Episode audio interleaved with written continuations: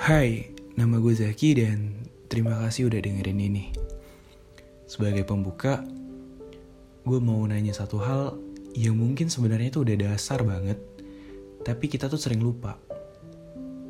Apa sih mimpi kita?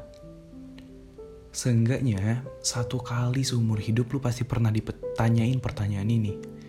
Entah guru TK, guru SD, atau paling enggak guru SMP pasti mereka pernah nanyain satu hal seperti itu. Cita-cita, mimpi, lu pengen jadi apa? 10-20 tahun lagi lu bakal jadi orang yang seperti apa? Lu bakal jadi sosok yang gimana? Apa yang bakal lu raih? Apa yang bakal lu dapetin? Dan banyak pertanyaan-pertanyaan yang intinya cuma satu. Nanti, lu mau jadi apa? Sesimpel itu pertanyaan, banyak dari kita yang masih nggak bisa jawab. Karena makin dewasa, kita entah menjadi semakin pesimis atau mungkin terlalu realistis sehingga mengubur mimpi kita sendiri. Nggak jarang kita ketemu sama orang yang entah dia tak punya mimpi atau dia udah nyerah sama mimpinya sehingga hidupnya jadi nggak ada arah. Atau mungkin orang itu adalah kita. Coba pikirin, kapan terakhir kali lu pengen sesuatu dan lu berusaha untuk mengejarnya? Waktu SMP mungkin, ketika lu merasa ranking satu di kelas adalah satu hal yang berarti dan lu belajar mati-matian, biar lu bisa jadi orang nomor satu di antara teman-teman lo di dalam kelas. Atau mungkin waktu lo SMA, ketika menjadi ketua OSIS adalah eksistensi yang menurut lo paling keren, akhirnya lo berusaha mati-matian agar lo bisa jadi ketua OSIS di SMA lo. Atau mungkin udah jauh lebih lama dari itu adalah waktu terakhir kali lo benar-benar berusaha untuk mengejar mimpi lo sebenarnya nggak salah sih untuk menjadi realistis dan nggak berharap terlalu tinggi. Tapi kalau lu nggak berharap sama sekali, ya nggak bakal ada yang lu usahain untuk menjadi sesuatu gitu. Maksud gue tuh kayak kalau Ronaldo sekedar bermain bola, rasanya dia nggak bakal pernah jadi bintang nomor satu sepak bola dunia. Tapi karena Ronaldo punya mimpi untuk menjadi orang nomor satu di dunia sepak bola, ya dia berusaha, dia bekerja keras, dia banting tulang sehingga dia bisa mencapai apa yang dia inginkan saat ini. Tapi kalau dia nggak punya keinginan sama sekali, bahkan untuk bermain bola rasanya dia nggak bakal melakukan itu deh. Iya gak sih? Nah, sekarang balik ke kita. Mimpi kita apa? Kalau kita cuma ngelakuin hal-hal yang kita biasa lakuin, ya kita juga cuma bakal dapat hal-hal yang biasa kita dapetin. Iya kan, apa yang lo dapetin hari ini adalah hasil dari apa yang lo lakuin kemarin. Kalau yang lu lakuin tuh hal-hal yang kayak kemarin, ya apa yang lu dapetin hari ini juga sama aja, nggak ada bedanya.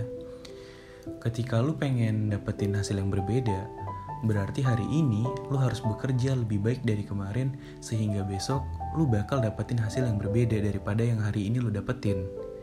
Tapi permasalahannya, untuk apa lu bekerja keras seperti itu? Untuk apa lu menjadi lebih baik daripada kemarin? Toh nggak ada hal yang pengen lu raih, nggak ada hal yang pengen lu capai, Toh gini-gini juga lu udah puas. Gitu gak sih? Kalau lu masih mikir gitu, kayaknya lu terlalu pesimis deh. Kayaknya lu harus mulai sadar ke diri lu sendiri. Apa yang lu pengen, apa yang ingin lu raih. Sehingga 10 atau 20 tahun yang akan datang, lu gak bakal punya penyesalan dengan apa yang lu lakuin hari ini. Lu 10 tahun yang atau 20 tahun yang akan datang lu tuh udah sukses lu udah meraih apa yang lu pengen. Jadi ketika lu flashback lu lihat usaha lu kerja keras lu lu gak ada penyesalan sama sekali. Tapi ketika 10 tahun atau 20 tahun yang akan datang lu gak jadi apa-apa dan lu inget kalau hari ini lu cuma males-malesan doang Mungkin saat itu nangis darah adalah satu-satunya obat dari rasa sakit dan penyesalan yang lo alamin. Ya iya sih, untuk tahu mimpi kita apa juga gak mudah. Toh, tokoh-tokoh besar kebanyakan sukses di usia tua dan gak pernah benar-benar tahu apa yang dia lakuin selagi muda. Tapi bukannya kita harus belajar dari pengalaman orang lain ya. Kalau orang baru tahu mimpinya saat udah tua, seharusnya kita udah nentuin mimpi kita dari usia kita muda. Sehingga kita bisa jadi lebih baik daripada orang-orang yang seperti itu.